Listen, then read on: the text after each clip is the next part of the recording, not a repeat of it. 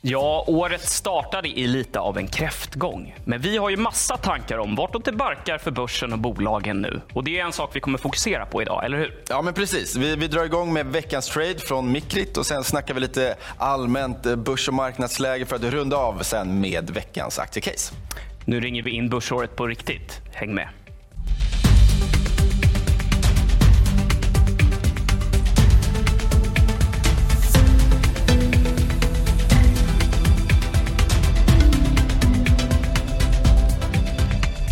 Programmet där vi pratar om börsen och allt som rör de finansiella marknaderna. Vi spelar in dagens avsnitt tisdagen den 9 januari. Jag tycker att vi tar och rivstartar med en spännande trade som kommer från Mikrit som är mm. professionell trader. Han ville göra en så kallad swing trade i Alfa Laval. Han vill följa med en rörelse helt enkelt. Han ser hur den här efter en uppåtgående trend har börjat bryta ner mot ett eh, stödområde där. Just det. Ska vi ta och titta på grafen så vi lite ja. pedagogiskt kan gå igenom vad det är han vill göra? Jättebra idé. Eh, och då kan vi bara konstatera att aktien gick ju starkt som mycket i verkstadssektorn gjorde under 2023. Otroligt starkt. Och var ju uppe på all time high vid, vid årsskiftet runt 400 kronor. Eh, men eh, där blev det lite soppatorsk. Börsen har ju kommit ner. Också intressant, jag brukar prata om det att man, det kanske inte finns något tydligt samband men ändå så tycker jag ser ofta i kursgrafer när man närmar sig en, sån här, närmar sig en jämn nivå, typ 400 kronor. Det brukar alltid dyka upp lite motstånd på sådana nivåer. Det är någon psykolog ja, jag vet inte vad det är. Exakt. Men där, där vänder den ner i alla fall. Och nu har den kommit ner till 380 kronor. Eh, följt med det sura börshumöret första handelsveckan här 2024. Och då ser ju Mikrit möjligheten att kunna fånga upp den här aktien. Då. 200 dagars glidande medelvärde kommer där och kan agera då som ett stöd till aktiekursen och att man då kanske kan fiska upp den där för att aktien då kanske ska samla ny kraft och hälsa på de där toppnivåerna igen. så, så att hans teori är väl att den ska röra sig upp mot motståndet här då på ja, men runt exakt. 400 ja, men Så vi har ju liksom ett, ett stöd ganska tydligt här som vi ser i, i grafen kortsiktigt stöd ska tilläggas. Och den där gula tunna linjen som vi hoppas att alla ser är ju då 200 dagars glidande medelvärde. Och sen så får vi då se om den kan vända upp igen tillbaka till det här området. Sen kan vi bara nämna det också att han har en ganska tight stopploss där på 376 kronor. Och, och det är ofta mm. så han jobbar ju att, för att då kanske det inte gör så ont om det går åt andra hållet. Eh, och det här är ju då kan man ju sammanfatta det som en trade där Mikrit ser större potential än risk. Och Det är väl egentligen det all trading handlar om, men framför allt kanske teknisk analys. Mm, absolut. Och det, som du säger, det här är ju en kortsiktig trade och det kanske därför också jobbar med en tight stop loss. Och kanske också speglar lite grann marknadshumöret tycker jag. Att det gick väldigt bra 2023 och nu är det lite mer avvaktande och försiktigt där ute. Och som alltid ett spel på sannolikheter såklart. Mm. Ja, efter en urstark avslutning på 2023 så har vi sett hur börsen har tappat lite av sitt momentum här under årets första dagar. Eh, kanske kan man se det som en hälsosam reaktion, eller vad säger du, Kalle? Eh, ja, givet hur starkt det gick och hur överköpt eh, börsen var och hur vi liksom gick ur 2023 när egentligen allting kändes fantastiskt. Fed de var duvaktiga och oljepriserna de kollapsade. Inflationen rullade över. Allting såg bra ut. Eh, egentligen börsen stack och det var verkligen eh, girighet som, som rådde på marknaden. Men nu har vi fått lite tuffare start. Men jag tog ändå, jag zoomade ut lite här nu, en, en tvåårsgraf har jag med mig på S&P 500 och svenska OMX bara för att sätta den här nedgången lite i relation. För det är klart, när vi börjar de första handelsdagen och vi är ner 3-4% på index, det blir en liten wake-up call. Oj, shit, mm. det kan gå ner också. Men om man då bara tittar här så ser vi ju att det, det är en väldigt, väldigt liten nedgång om vi tittar hur det har sett ut nu senaste åren. Och man kan också bara återigen notera hur fruktansvärt bra USA-börsen har gått ja. jämfört med, med den svenska. Men eh, så bara för att sätta nedgången lite i perspektiv. Eh, intressant kan också vara att ta med sig vad som har gått bra då ja. under början på året. Och det är väl ingen skräll då kanske att när det är lite mer risk-off, lite sämre riskaptit, investerare blir lite mer nervösa. Ja, vad söker man sig till då om man ändå vill hålla sig på aktiemarknaden? Defensivt. Ja. Exakt. Och då ser vi också att telekom har gått ganska bra. 5% Banker har gått mm. bra. Eh, fått väl lite stöd av stigande marknadsräntor. Eh, hälsovård Och de toppar liksom, medan vi då ser kanske det som har gått väldigt starkt under slutet på förra året. Industri exempelvis, eller, eller retail. Precis, retail hade vi där som eh, den stora vinnaren under 2023. Mm. Och, och, nu ser vi den i botten här. Sen ska vi säga det att det är ganska få dagar det här, ja. eh, såklart. Verkligen. Men det var, jag vet att du vill eh, prata om det där med, om man går tillbaka i historieböckerna, hur liksom januari kan sätta tonen för resten av börsåret. Varför ja, det här kan precis. göra lite mer intressant. Jag tyckte det var väldigt spännande. Du berättade om det förut, att januari kan vara en indikation på hur ett helt börsår kan se ut. Mm. Det är ofta så. Eh, berätta mer. Nej, men det var egentligen bara om man går tillbaka då i historieböckerna så ser man att januari brukar faktiskt sätta tonen. Och nu, nu har vi inte med oss den grafen, jag hade med mig den i mitt morgonbrev. Eh, men där man då ser att en, star, en januari på plus brukar innebära ett år på plus. Ja, sen kan man säga vad man vill om det och hur mycket vikt man ska lägga vid det. Någonstans ska jag tycka med den eh, brutala uppstudsen vi fick i slutet på 2023 så kanske inte så konstigt. Nej, en rekyl lite... känns ganska given på något ja. sätt eh, ändå. Såklart alltid trist när man ligger långa aktier att det blir en liten rekyl, men man får ändå räkna med det. Ja, men, men exakt. Och sen det, som du sa, det är bara några fåtal handelsdagar här nu så att vi har halva januari kvar, drygt. Så att det finns ju många dagar kvar att vända det här. Men ändå eh, någonting att, att ta med sig. och det har ju knaprat sig upp lite här de senaste dagarna. Så ja, vi fick kanske... en jättefin studs igår, mm. ska tilläggas. Eh, så, att, så är det. Eh, vi går över till USA då på temat vad som har gått väldigt bra 2023 men som har börjat dåligt 2024. Ja. Och då är det, det är svårt att inte prata big tech. Det är svårt att komma runt så att säga, när de är så tunga index och de gick så otroligt starkt förra året. Djävulskt tungt väger de, ja. för att du brukar säga. Det brukar jag säga. ja, nej, men till slut tar även de stryk. Ja, men exakt. Och det, som sagt, det kanske bara är lite vinsthemtagning. Det behöver inte vara någon större dramatik. Uh, Nvidia kom ju, var det nya grafikkort de presenterade igår? Du kan ju allt om det där med grafikkort. Vill jag kunde en gång i tiden. Nej, de är marknadsledare när det kommer till eh, grafikkort och uh, under senare år så har det blivit superviktigt i mm. allt som har med AI att göra. Det räcker inte längre med en processor för att driva de här krafterna uh, och då är ju Nvidia, de var marknadsledare redan innan för liksom, datorkomponenter. Men du gillade heter de AMD?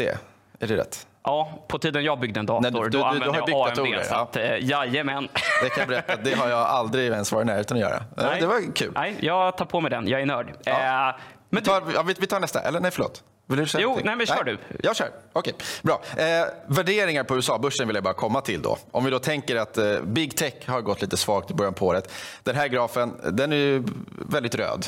Och den här speglar då eh, P talet inte framåtblickande, eh, men bara för att ge en hint om just big tech, att det är de största bolagen på börsen och att det är de som är högst värderade. Att det hänger ihop lite grann här. Att det, det finns en del att eh, försvara om man säger så. Det är väl egentligen bara, det vet vi, det är bara en, en påminnelse om att det är relativt dyrt alltjämt och att Visst, tittar vi framåtblickande P tal då kommer de här talen sjunka, men det gäller ju att de fortsätter att leverera tillväxt även framöver. Så att, eh, spännande bara lite grann att hålla koll på under 2024, givet då hur tungt de väger i index.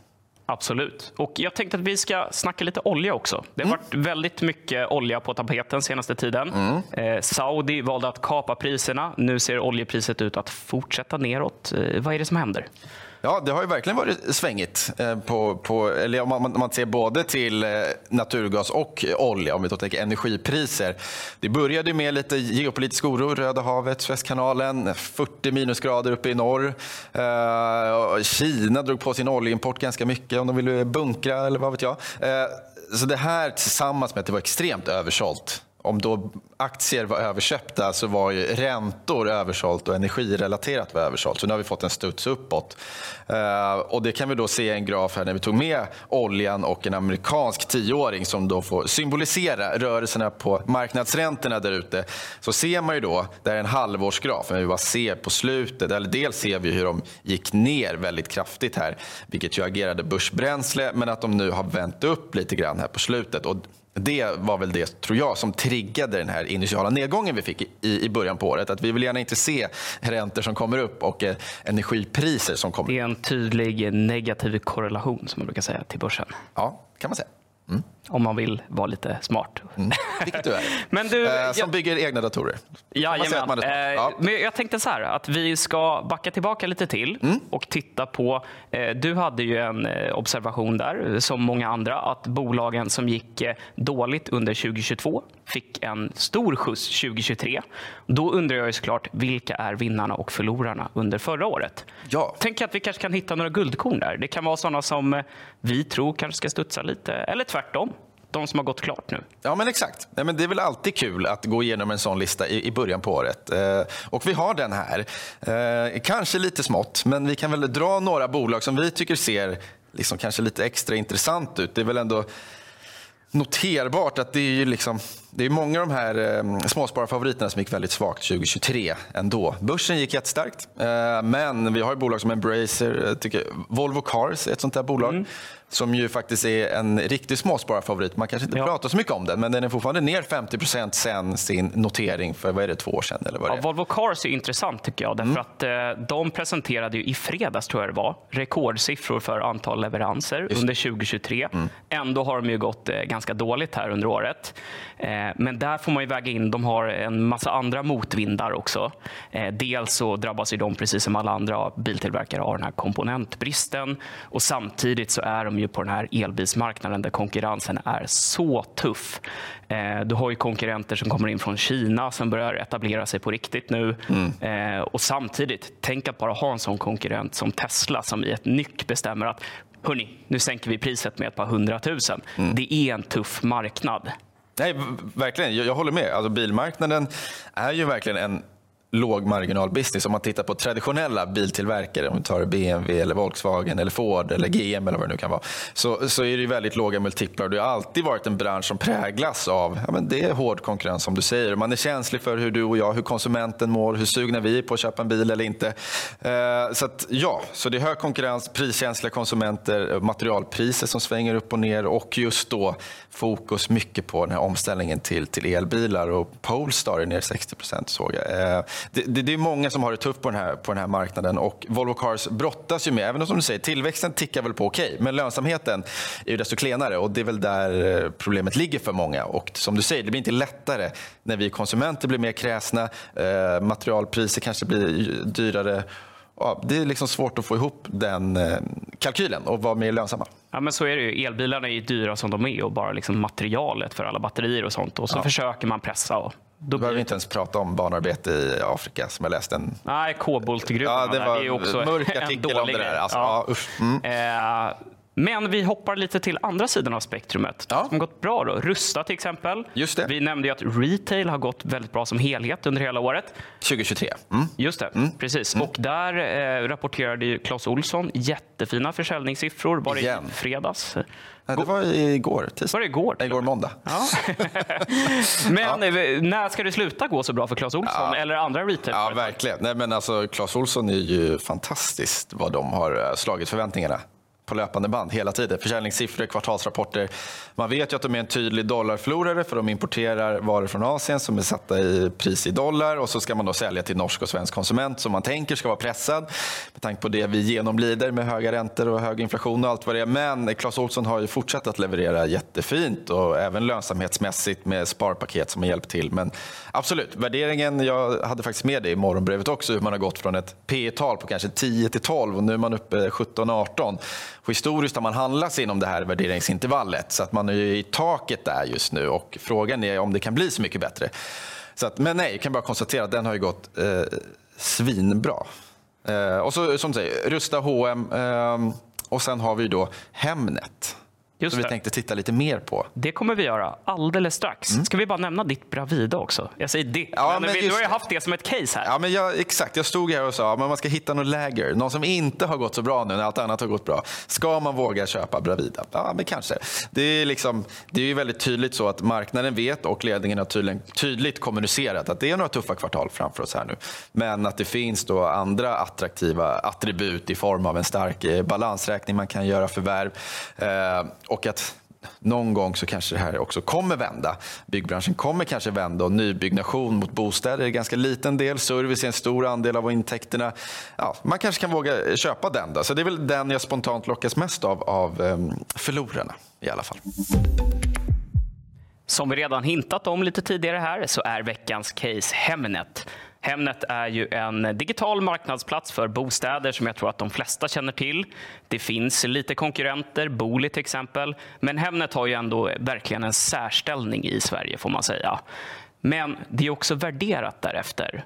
Och min första fråga till dig är ju då, vad är det man betalar för? Mm. Ja, det du betalar för är ju, får man ändå lov att säga, ett kvalitativt tillväxtbolag som ju har gått väldigt, väldigt starkt. Man har ju en stark tillväxthistorik, en fin skalbarhet, rätt fina kassaflöden och det är en högmarginalbusiness och ja, man har ju en väldigt stark marknadsposition. Alltså jag, och hur många använder inte begreppet Hemnet-knarka? Så är det ju. Och jag, man kanske tänker det också att även om det kostar flera tusen med en annons, det, hade det varit på Blocket hade det aldrig funkat. Men, men, nu i perspektiv då till att du kanske ska köpa eller sälja någonting för miljontals kronor så kanske man tänker att det ändå är värt det. Ja, men det är väl kanske lite så det funkar. Att det, det är en transaktion du gör, vad vet jag, var 50 år i, 50 år i snitt kanske. Sällan köp får man i alla fall säga. Ja, men det får man ju säga. Och då kanske man skiter i om det kostar 2 000 eller 4 000. Vad vet jag. Men de har i alla fall lyckats väldigt bra med det här och har ju lyckats kontinuerligt höja sina priser hela tiden. Men det är klart att man undrar lite grann, som du var inne på, det är en väldigt hög värdering. Är det buy once, cry once som man säger? Alltså ska du bara köpa dyrt? Och... Har du inte hört det? Nej. Nej. Men då kanske, ja, men helt enkelt, du köper en gång, det får vara pissdyrt och du gråter en skvätt för att det här gjorde ont, men du vet att de kommer leverera över tid och så blir det bra. Eh, vi kan bara ta den första grafen, bara för att se mm. kursgrafen, så kan vi notera liksom, den otroliga, först en jättestark IPO, aktien gick jättestarkt för att sen då tappa väldigt mycket här för att sen då göra en otrolig comeback. Och nu är vi tillbaka på all time high. Ja, och jag är för mig att det var ganska mycket snack om värderingen eh, där strax efter IPO när de kom in på börsen. Men det har alltid varit det. Ja. Eh, det är väl typiskt. Alltså det, det tycker jag kan vara en bra lärdom generellt. Vi står ofta och pratar om värderingar och jag säger ja det här är P8, gud vad attraktivt värderat det. Men någonstans så speglar ju också värderingen tillväxtförutsättningar framåt. Och är det någonting som driver aktiekurser på sikt så är det ju också möjligheten att växa sina vinster. Och där har ju Hemnet gjort det väldigt bra. De har ju, som du säger, de har ju gjort skäl för en del av den här värderingen i alla fall, mm. i och med att de har visat att de kan höja priserna, kunderna finns kvar. Mm. Men jag undrar ju lite så här, vad är nästa steg nu? Hur skalar man upp det här en nivå till? Nej. Är det liksom nya premiumformat där man får ligga högre och större på sajten? Eller vad är det? Jag har lite svårt att se hur man ska växa in i den här värderingen. Ja, nej, men jag, det var väl därför vi lite grann tog med den, att den har gått väldigt starkt 2023 och man det är väl en av de här som man undrar, ska de verkligen kunna fortsätta att leverera? Och, eh, jag vet inte, bostadsmarknaden kan ju vara en sån variabel som man också har pratat om innan. Att okej, okay, räntorna stiger, det kommer bli en svagare bostadsmarknad. Det har inte riktigt synts i Hemnets siffror. Eh, och någonstans kanske det viktiga för Hemnet är, det är att marknaden inte står still utan att det ändå görs transaktioner. Kanske lite oavsett vad det är för prisnivå på bostäderna. Men så länge det sker transaktioner på den svenska bostadsmarknaden så tuffar det på för, för Hemnet ändå. Men jag tog med en graf bara, bara för att visa den fundamentala utvecklingen de senaste åren. Bara för att visa på hur, hur, hur starkt det har gått. Och Det är väl framförallt marginaltrenden som då är den gröna linjen som ja, det ser visar. ju väldigt fint ut. Ja, eh, så där har man ju gjort mycket rätt, apropå att det är en skalbar affärsmodell. Eh, och, ja, men det är ju extremt fina marginaler och tillväxten tuffar ändå på. Och som du var inne på, just man är väldigt bra på att höja priserna. Man är inte så känslig för det här. Man har ju i princip en monopolliknande ställning. Det var ett himla tjafs om eh, matjättarna, de fyra, att, eh, att de har någon typ av oligopol. Men eh, här snackas det inte så mycket om, om, om Hemnet. Men de kan ju, alltså, ja, det, vi har väl Booli som en liten utmanare. Ja. Det är SBAB som står bakom den, tror jag. Mm. Eh, alldeles oavsett, det är ju bara konstatera att Hemnet har ju marknaden. Ja, men de är störst och bäst. Så, så, är det. Men vi, vi, tar en sista värderingsgraf bara för att då titta på det här. Det är ju, det är ju väldigt höga multiplar. Det är inte P8 precis. Eh, eller ens 20, eller ens 30, eller ens 40. Vi pratar P50. Eh, och då tittar vi då framåt 12 månader. Så då har jag bara eh, helt enkelt hämtat ut lite data och översatt det till Excel. Eller översatt. Det, det drog in det i Excel i alla fall. Och då kan vi se då att snittet senaste åren när det har gått så här starkt har ju liksom legat på P42 och nu är det närmare P52. Eh, jag säger inte att 42 är en rimlig värdering, men bara för att få ett hum om var aktien har legat någonstans rent värderingsmässigt. Så att, nej, det, det är väldigt högt värderat. Mm. Och, eh, Ja, nej, men jag, jag håller med. Jag, om jag får gissa så tror jag inte att det här är en av årets vinnare 2024. Kanske ett av de safeaste, tråkigaste betten jag gjort. Men, ja. Eh, ja. men det är svårt att se att den, att den ska orka vidare. Men med det sagt, ett fantastiskt eh, bra bolag som har gjort det jättebra hittills. Vi kan väl sammanfatta det som att det ser ut att vara en väldigt fin tillväxt, eller det har ju varit det och det kanske kan fortsätta. Men att man ändå ska vara lite försiktig på de här nivåerna. Ja, men för det är klart att en hög värdering ändå på något sätt hämmar den långsiktiga avkastningsförmågan. Det ska man ändå komma ihåg. Och med det har det blivit dags för en liten riskvarning. Exakt, där vi ska påminna om att all handel är förenad med risk och att det vi säger i det här programmet i Börssnack, det ska tas som inspiration och ingenting annat.